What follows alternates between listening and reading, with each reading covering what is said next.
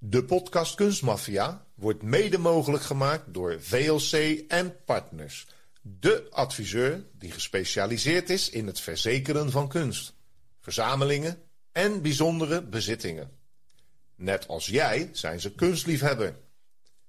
Met persoonlijke dienstverlening helpen ze klantenambities waar te maken.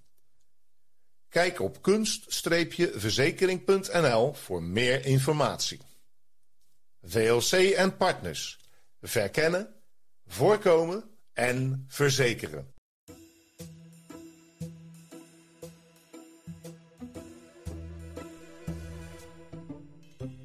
...1941. Als Roos Valland, een conservator in bezet Parijs... moet werken voor een eenheid van nazi-kunstplunderaars... besluit ze tot een grote verzetsdaad. In de jaren die volgen zet ze haar leven op het spel door de Duitse officieren te bespioneren en alle informatie van de doorvoer van gestolen kunst heimelijk te noteren.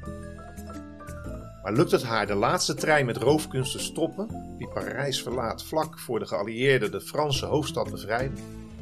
En zal ze de duizenden gestolen kunstwerken die in de nazi-collecties van Hitler en Göring zijn beland, nog kunnen terugvinden?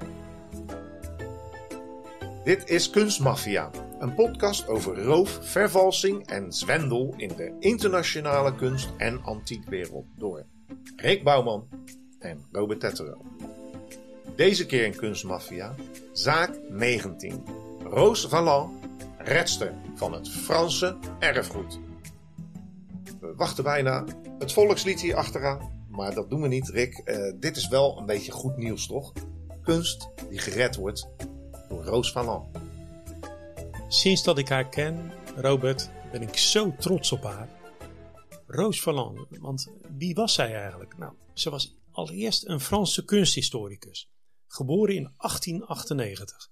Ze was lid op een gegeven moment van het Franse verzet. Ze is uiteindelijk kapitein in het Franse leger geworden. Daarna nog zelfs de meest gedecoreerde vrouw in de Franse geschiedenis. Hoe mooi kan je het verzinnen? Zij nam in het geheim namelijk details op van de nazi-plundering van het nationale Franse en de particuliere Joodse kunst uit Frankrijk. En in samenwerking met het Franse verzet heeft ze duizenden kunstwerken gered. Ja, en als we even een kijkje nemen verder in haar achtergrond. Uh, zij studeerde kunstgeschiedenis en tekenen in Lyon en Parijs. In 1932 werd ze vrijwillig assistent conservator in museum en Nationaal Galerie Jeu de Paume een dependance van het Louvre. Daarin werden met enige regelmaat uh, tentoonstellingen gehouden met kunst uit het Louvre. En nou, daar was zij aangesteld. En ik zei net vrijwillig, dat betekent onbetaald. In 1938 vrezen de Franse museumdirecteuren al wat komen gaat. De Duitse dreiging uh, wordt steeds groter. En zij verschepen al hun belangrijkste kunstcollecties naar schuilplaatsen in kastelen, kloosters, in alle uithoeken van Frankrijk. Ja, en dan in 1941, na de bezetting van Parijs door de Duitsers, wordt de hele staf van het museum vervangen door Duitsers van de Einsatzstab Rijksleiter Rosenberg voor de bezette gebieden. Een hele mond vol, maar afgekort ook wel de ERR genoemd. Behalve Roos. Zij blijft wel onderdeel van het Jeu de Pomme, als enige Française naast alle Duitsers. En ze is ongewild een onderdeel van de speciale staf voor beeldende kunst, onder leiding van baron Koert van Baer. En deze Duitser begint met het systematisch plunderen van kunstwerken uit musea en particuliere kunstcollecties in heel Frankrijk en België. En ze gebruiken het Jeu de als een centrale opslagplaats en verdere distributie naar verschillende personen en plaatsen in Nazi-Duitsland. Ja, het is eigenlijk gewoon bijna fabrieksmatig. Hè? Ongelooflijk. Um, hele rijk, de rijkste Joodse families hebben niet allemaal hun kunstcollectie veiliggesteld. En een van de grootste slachtoffers, die ook wel heel bekend is van naam, dat is de bankiersfamilie Rothschild. Direct na de bezetting worden al hun uh, goederen geconfiskeerd.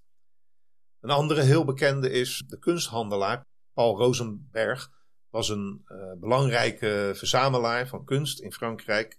werd uh, berooid, alles in beslag genomen in ja, de eerste dagen. En al die kunst ging naar het Jeu de Paume. En daar deden de nazi's een belangrijk iets waar we het al vaker over hebben gehad, Rick. De ontaarde kunst, dus wel de kunst, de moderne kunst, en de klassiek traditionele kunst werden van elkaar gescheiden. Het een natuurlijk voor Duitsland, de andere om af te storten, om, om te verkopen en geld aan te verdienen. Ja, en die ontaarde kunst, nou, daar waren natuurlijk al in Duitsland in de tijd van Hitler de, voor de oorlog zelfs al tentoonstellingen gehouden om het belachelijk te maken. Maar op 3 november 1941 vindt zo'n tentoonstelling van Entartete kunst ook plaats in Parijs.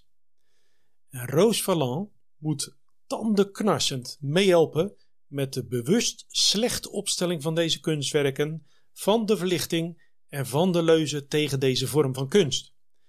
En ze is getuige van hoe een deel van de ontaarde kunst direct naar een achterkamer van Jeu de Paume wordt afgevoerd. En hoe een Duitse officier lachend zijn laars door het doek van een schilderij, en niet zomaar een schilderij, want het waren allemaal zeer waardevolle schilderijen, die trapt daar doorheen en alleen maar omdat dit schilderij hem in de weg stond. Ja, je zou het uh, kunstmishandeling kunnen noemen. Volgens mij noemde zij het zo ook in haar biografie. De Duitse ambassadeur van bezet Parijs, Otto Abetz, en de minister van Buitenlandse Zaken von Ribbentrop, bekende naam, haasten zich naar Jeu de Paume om als eerste op persoonlijke titel kunst toe te kunnen eigenen. Typisch, hè? Het is eigenlijk ongelooflijk. Maar de grootste jager op kunst, Hermann Göring, die al een enorme collectie heeft gestolen uit Polen, Oostenrijk, Tsjechoslowakije, resideert inmiddels in een suite van het Parijse Ritz Hotel. De reden van zijn komst is wel duidelijk. Speciaal voor hem worden de duurste kunstwerken opgesteld als was het een tentoonstelling. En daar moest Roos Valland dus ook aan meewerken. Maar Roos Valland heeft de Rijksmaarschalk en hoofd van de Luftwaffe, Herman Keuring, nog nooit gezien. En wat verwacht ze dus? Nou, ze verwacht een atletische, autoritaire en geuniformeerde officier. Maar als die dan binnenkomt, zoals ze het later beschrijft, ziet ze een kleine, dikke en logge man met een wandelstok. En, zijn mantel reikt tot aan zijn hielen. Het ziet er al met al dus niet uit. En in zijn andere hand heeft hij een sigaar. En daarmee wijst hij de stukken aan die hij voor zijn privécollectie zou willen hebben. De Duitse staf gehoorzaamt zonder enige terughoudendheid en schenkt hem zelfs champagne in. Hij kiest 27 schilderijen uit de gestolen collecties van de familie Rothschild en Wildenstein, waaronder een Rembrandt en een Van Dijk. Maar Vermeers astronoom, de astronoom, laat hij wijselijk, maar tandenknarsend staan voor Hitlers toekomstige museum in Linz.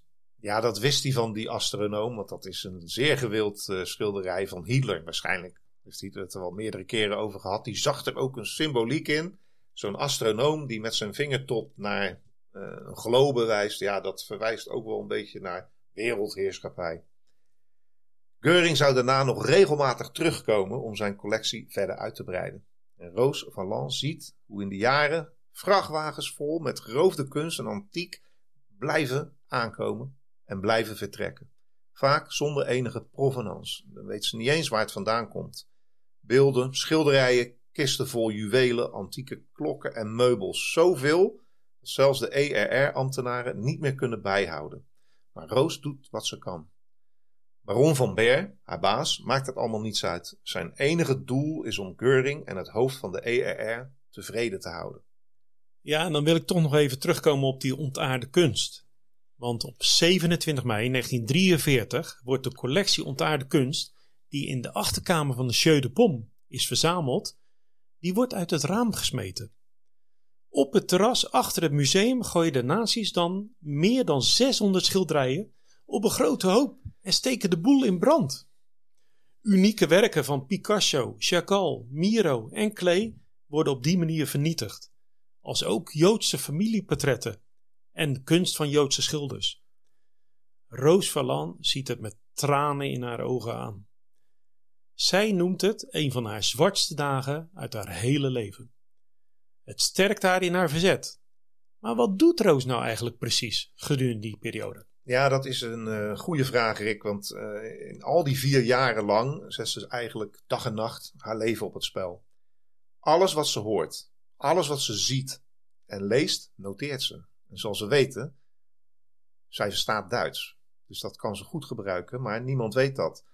Ze brengt de gestolen kunstwerken die in het museum aankomen en doorgevoerd worden, professioneel in kaart. Want ze hoopt na de oorlog, ja, als die dag ooit komt, kunstwerken terug te kunnen vinden en ze dan aan de rechtmatige eigenaars te kunnen teruggeven. Levensgevaarlijk, want ze is de enige Franse die in het museum werkt. De Duitse staf weet niet dat Vallon Duits verstaat en dat laat ze ook niet blijken. Nee, en eh, Roos noteert uiteindelijk in het geheim zoveel mogelijk van de meer dan 20.000 kunstwerken die in de jaren van en naar het Jeu de worden gebracht en gehaald. En s'nachts laat ze bij een vriend kunstfoto's ontwikkelen van de negatieven die ze heimelijk meeneemt van de ERR-fotograaf. En waarom werden die eigenlijk gemaakt? Ja, dat is, uh, was even zoeken, maar die, die foto's van uh, al die kunstwerken worden eigenlijk gebundeld in een boek. En eigenlijk gewoon als een soort, ja, wat zou je zeggen, tafel, koffieboek uh, gepubliceerd. En die ging dan naar Hitler toe. En die kon dan gezellig lekker op de bank, het uitzicht van het adelaarsnest, lezen wat hij wilde. En dat wees hij aan. En er is natuurlijk overal nummer bij. En zo, zo deed hij. Keuring kwam zelf. Hitler bleef op afstand en uh, die zocht gewoon uit. Nou ja, goed. En uh, Roos Valland nam dus deze negatieve nam ze mee, s'nachts. Maar de volgende ochtend moest het natuurlijk wel weer teruggebracht worden. Dus elke dag weer gaf zij negatieve even over aan naar de vriend. Maar de volgende ochtend moest ze weer keurig netjes op dezelfde plek teruggelegd worden. Ja, hoe spannend is dat en hoe gevaarlijk is dat geweest? Maar daarnaast spreekt ze ook met vrachtwagenchauffeurs die voor de Duitsers rijden. En ze komt te weten waar de kunstwerken zijn gestolen. Ook houdt ze heimelijk bij waar en naar wie in Duitsland de kunstwerken verscheept worden. Ja, als je dit allemaal zo bij elkaar hoort, dan legt ze eigenlijk een enorme uh, bewijslast neer. Hè, wat ze kan gebruiken. Al die foto's, vaak hoor je in die zaken dat er uh, geen bewijs is. Nou ja, ze hebben natuurlijk alles gefotografeerd. Dus klaar als een klontje zou je denken. Maar goed, zover is het nog niet. Wat ze wel doet, is dat ze heel regelmatig Jacques Jaujard informeert. Uh, Jacques is directeur van de Nationale Musea en is eigenlijk de enige persoon die zij durft te vertrouwen. Jaujard werkt samen met het Franse verzet. En nu kan Roos ook hun direct op de hoogte stellen over treintransporten met nationaal erfgoed, zodat ze niet bij ongeluk op de kunstbeladen treinen schieten. En dan op 1 augustus 1944, een paar weken voor de bevrijding van Parijs. Dan hoort Roos Valland dat baron van Ber, het hoofd van de ERR in Frankrijk, van plan was om zoveel mogelijk kunstwerken naar Duitsland mee te nemen. Inclusief de moderne kunst, de entartete kunst, die ze zich sinds de grote verbranding hadden toegeëigend. Ja, die dachten natuurlijk uh, veel geld waard. Ja, dus ook die entartete kunst is dus niet volledig verbrand. Ze hebben natuurlijk een paar hele mooie stukken toch wel achtergehouden. En de Duitsers dachten van daar kunnen we nog wel eens een keer uh, of geld voor maken of gewoon in eigen bezit houden. Ik denk die vroegere Hildeband Keurlid, waar we het eerder over gehad hebben in uh, volgens mij aflevering 15. Ik denk dat hij toch ook wel een aantal van die stukken meegenomen heeft. Ja joh, die hebben natuurlijk uh, handjeklap gedaan. En die Von Beer die gaf niks om kunst, maar wel om geld. Ik denk dat ze zich aardig verrijkt hebben daar. Precies. En dan zijn we ook nog even bij die vrachtwagenchauffeurs. Want Roos Valland hoorde dus van deze chauffeurs dat de kunstwerken op weg waren naar het treinstation van Aubervilliers aan de rand van Parijs. Ja, en dit is het eind van de oorlog, Rick. En dan gaat het erom natuurlijk dat uh, die Duitsers meenemen wat ze nog mee kunnen nemen. 148 kratten, bijna duizend schilderijen, waaronder werken van Braque, Cézanne, Degas, Dufy, Gauguin, Picasso, noem ze maar op. Alles wordt geladen in vijf goederenwagons. En die wachten om te worden aangesloten op nog eens 48 wagons met in beslag genomen meubels en bezittingen van gedeporteerde, vaak Joodse burgers. Misschien herinner je dat uh, Geert Sels een aantal afleveringen geleden refereerde aan de meubelaction, de M-action. Nou, uh, dat waren die meubels die massaal werden afgevoerd naar Duitsland, omdat daar mensen woonden die hun huis verloren waren door de bombardementen. Nou, die konden dan deze meubels in gebruik nemen. Hoe bijzonder eigenlijk, Robert, dat meubels die gestolen werden in de bezette gebieden, zoals Frankrijk en België, van Joodse mensen, die meubels werden verzameld. Die werden opgehaald door Belgische verhuizers, hoorde ik later. En die hebben ze gewoon overgebracht. Dus van België, van Frankrijk naar Duitsland. Naar wat jij zegt, de mensen die hun huis verloren hadden. En daar staan dus gewoon Joodse meubels, staan nu in Duitse woningen. Ja, dat is wel vrij bizar. Je zou afvragen, zouden ze er nog steeds staan? Ja, nou ja, het zijn geen schilderijen van uh, heel veel geld waard, dus wie zoekt ernaar, hè? Nou ja, hoe dan ook, de trein die vertraagt. Want die moet wachten op die andere wagons. En dat komt Falland heel goed uit. Ze geeft Jacques Chagard een kopie van de nazi-verzendopdracht. En daarop staan de trein en de goederenwagonnummers. En, nog veel meer, de inhoud van elke kist en de bestemming van elke wagon. Chagard geeft op zijn beurt deze informatie door aan zijn contact in het verzet. En deze doen er alles aan om de trein met kunst niet naar Duitsland te laten ontkomen. Nou, vertel maar Rick, wat is de uitkomst daarvan? Nou, op 10 augustus 1944 staat de trein dus klaar om te vertrekken. Maar dan gaan de Franse spoorwegarbeiders in staking. Ja, ja.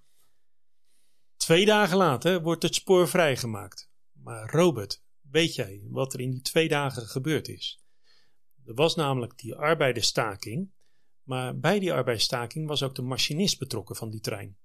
Die deed er ook aan mee. De Duitsers die hebben dat niet geaccepteerd en hebben hem ter plekke doodgeschoten. Dus er moest een nieuwe machinist komen. Die was niet beschikbaar en toen hebben ze gewoon iemand erin gezet die niet de machinist was, maar die moest wel als machinist gaan spelen. Maar deze trein die loopt opnieuw vertraging op, doordat de treinen met vluchtende Duitsers en hun gestolen bezittingen voorrang krijgen. Ja, dat zijn die mensen met die meubels natuurlijk, die probeerden weg te komen. Toch vertrekt de trein met de kunst uiteindelijk met in totaal 53 wagons.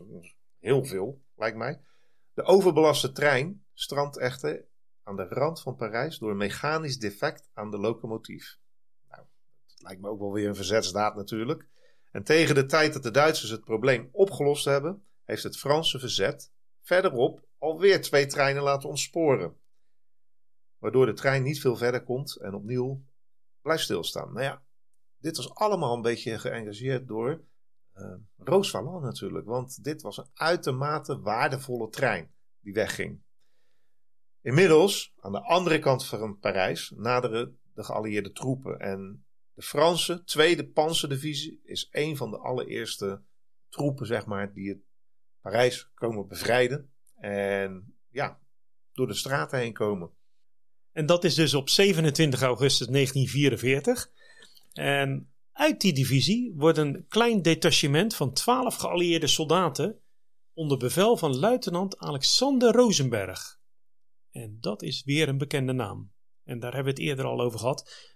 Maar deze Alexander Roosberg is dus de zoon van de verbannen en beroofde kunsthandelaar Paul Rosenberg. En deze wordt naar de trein gestuurd om te voorkomen dat hij alsnog naar Duitsland ontkomt. Met zijn mannen overmeestert Alexander Rosenberg een handvol oude Duitse soldaten die de trein bewaken. Ze openen enkele kratten ter controle en dan ziet de jonge Alexander Rosenberg tientallen schilderijen die hij voor het laatst had zien hangen aan de muren van zijn ouderlijke huis in Parijs. Ja, dat is toch een heel mooi verhaal, hè? dat je dat zelf terugvindt en dat je dat zelf terug kunt brengen. En dat doet hij natuurlijk ook. Maar ze zitten wel in een zeer riskant gebied. Het is niet bevrijd allemaal, dus het is chaos in Parijs. Als hij verder kijkt in de trein, blijken dat er veel meer kratten open zijn en leeggeroofd. Nou wie weet, misschien die Duitse bewakers, misschien is het verkocht. Maar hij beseft dat hij nog niet klaar is met zijn opdracht. De meest waardevolle spullen, een stuk of veertig kratten, die neemt hij mee en die brengt hij terug naar het Louvre om ze veilig te stellen. Maar al met al duurt het wel twee maanden voor de rest van de kunst uit de trein kan worden gehaald en naar een veilige locatie kan worden gebracht. Ja, dat zal Roos Valland toch ook wel heel bijzonder gevonden hebben. Die heeft dat natuurlijk gevolgd. Maar als dan twee maanden zo'n trein aan de buitenrand van Parijs staat, wauw. Ja, ze was niet erg blij, kan ik je zeggen. Ze was erg geïrriteerd dat het zo lang duurde. Want ja, met al die nieuwe troepen binnen kwamen natuurlijk ook uh, de bureaucratieën terug. En zij vond het veel te riskant uh, dat er iets gestolen of nog veel meer gestolen zou worden. Maar goed, uh, ja, inmiddels zijn in september 44 al straatgevechten aan de gang in het centrum tussen de geallieerden en de verschanste Duitsers. En het Jeu de Pomme is afgezet met prikkeldraad en zandzakken. Roos ziet dat de zalen leeg zijn, maar weet dat de afgesloten kelders nog vol liggen met kunst. Uiteindelijk worden negen Duitse soldaten omgebracht en worden 350 andere Duitsers krijgsgevangen genomen, waarna de bevrijders en de uitgelaten menigte uit Parijs het Jeu de Pomme gaan bezetten. Ja, en daar staat Roos dan, moederziel alleen, want die Duitsers waren natuurlijk al vertrokken. Maar dat wisten die geallieerden nog niet en ook die menigte niet. Ze wordt onder schot gehouden en naar de kelders gebracht en moeten ruimtes openen om te laten zien of ze geen Duitsers verborgen houdt. Dat was niet het geval. Maar waarom wordt ze onder schot gehouden? Ja, zij werd verdacht een collaborateur te zijn. Nou ja, alleen de gestolen kunst ligt in die ruimtes. Uh, die sluit ze dan ook en probeert hun te overtuigen van, nou ja, laten we dit hier uh, laten liggen, want het is natuurlijk chaotische tijd. Zij wordt gevangen genomen en Jar, ja, ze verwijst ernaar, maar die wordt ook opgepakt. Want die heeft ook in de oorlog doorgewerkt uh, voor de Duitsers, maar niet als collaborateur.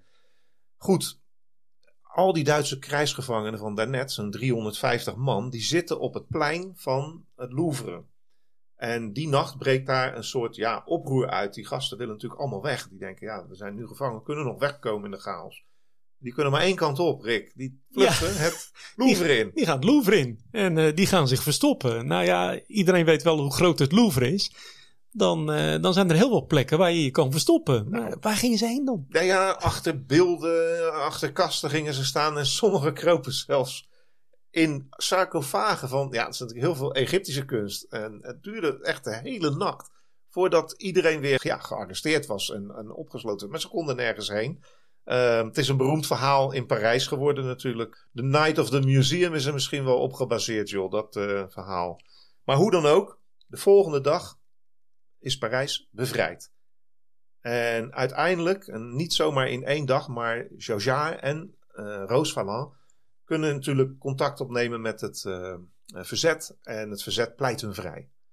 Ja, en dan denk je natuurlijk dat Roos Valland klaar is met haar werk. Eind 44, vier jaar lang. Maar Roos Valland ziet dit pas als een begin. Haar werk is nog lang niet gedaan. De uit Frankrijk gestolen kunst zal en moet terugkomen, vindt zij. Chaugiard brengt haar in contact met kapitein James Rorimer. En hij is van de eenheid de Monuments Man. En daar gaan wij natuurlijk ruimschoots nog op terugkomen met een andere podcastaflevering.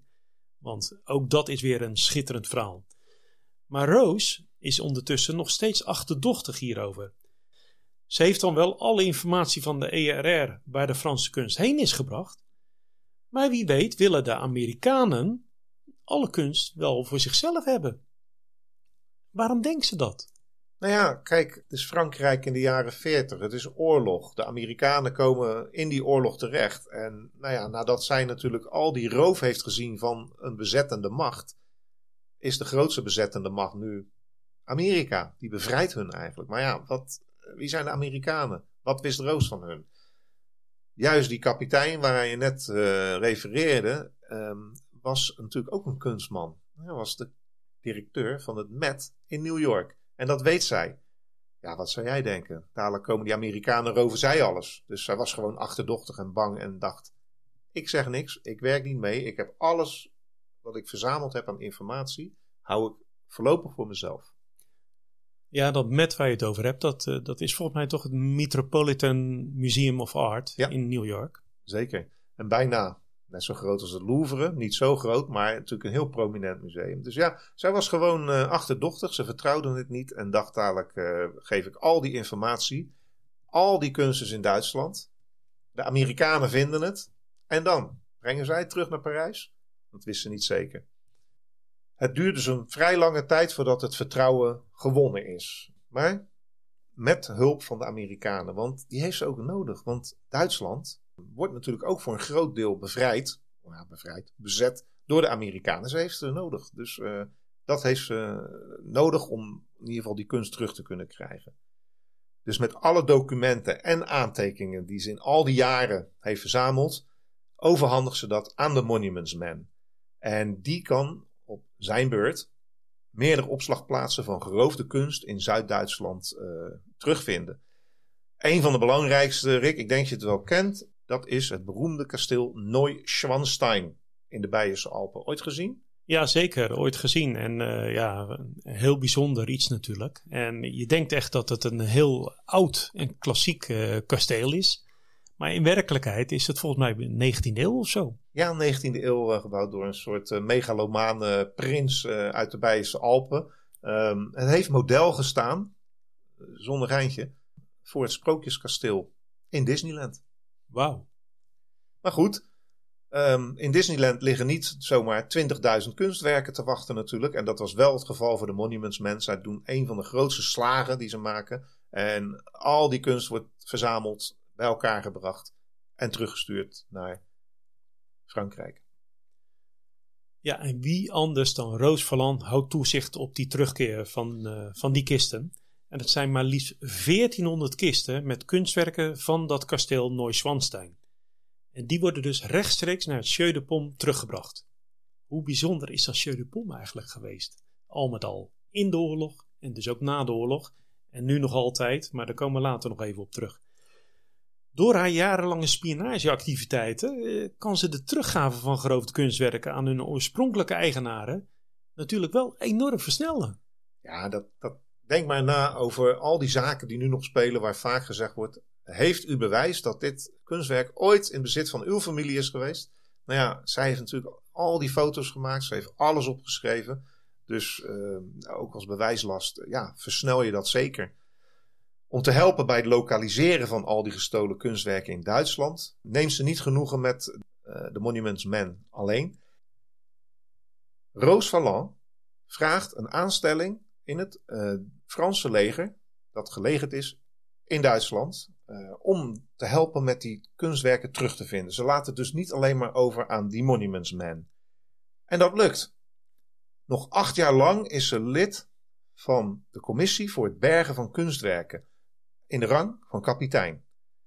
Ze is de contactpersoon tussen het leger, de Duitse staat en de Franse regering. En dat is eigenlijk ook wel logisch ook, want zij heeft alles gezien. Ze heeft een geheugen als een olifant. Zij kan zomaar ontdekken en zomaar zien van dit stuk, dat komt uit Frankrijk. En kan het nog bewijzen ook. Dat is een van de meerwaardes die ze heeft gehad.